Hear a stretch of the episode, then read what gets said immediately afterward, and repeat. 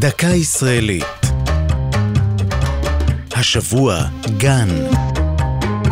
והפעם מרכז הירידים. בחיי הכלכלה של תל אביב המתפתחת, טרם קום המדינה, היה לירידי המזרח מקום מרכזי במסורת הירידים העולמיים של תחילת המאה ה-20.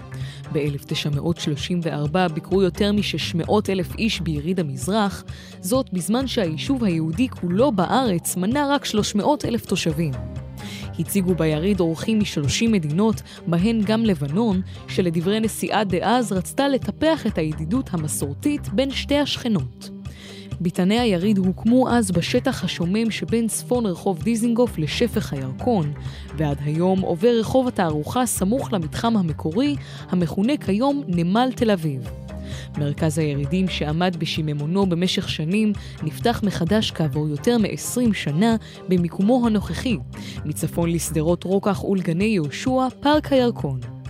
המרכז המכונה גני התערוכה משמש בית לירידים מסחריים, למופעי מוזיקה ולכנסים מפלגתיים. בניסיון למתג מחדש את המקום, קוראים לו היום מנהליו אקספו תל אביב. זו הייתה דקה ישראלית על גן ומרכז הירידים. כתבה תום נשר, ייעוץ הדוקטור מרדכי נאור, מפיקה יעלי פוקס.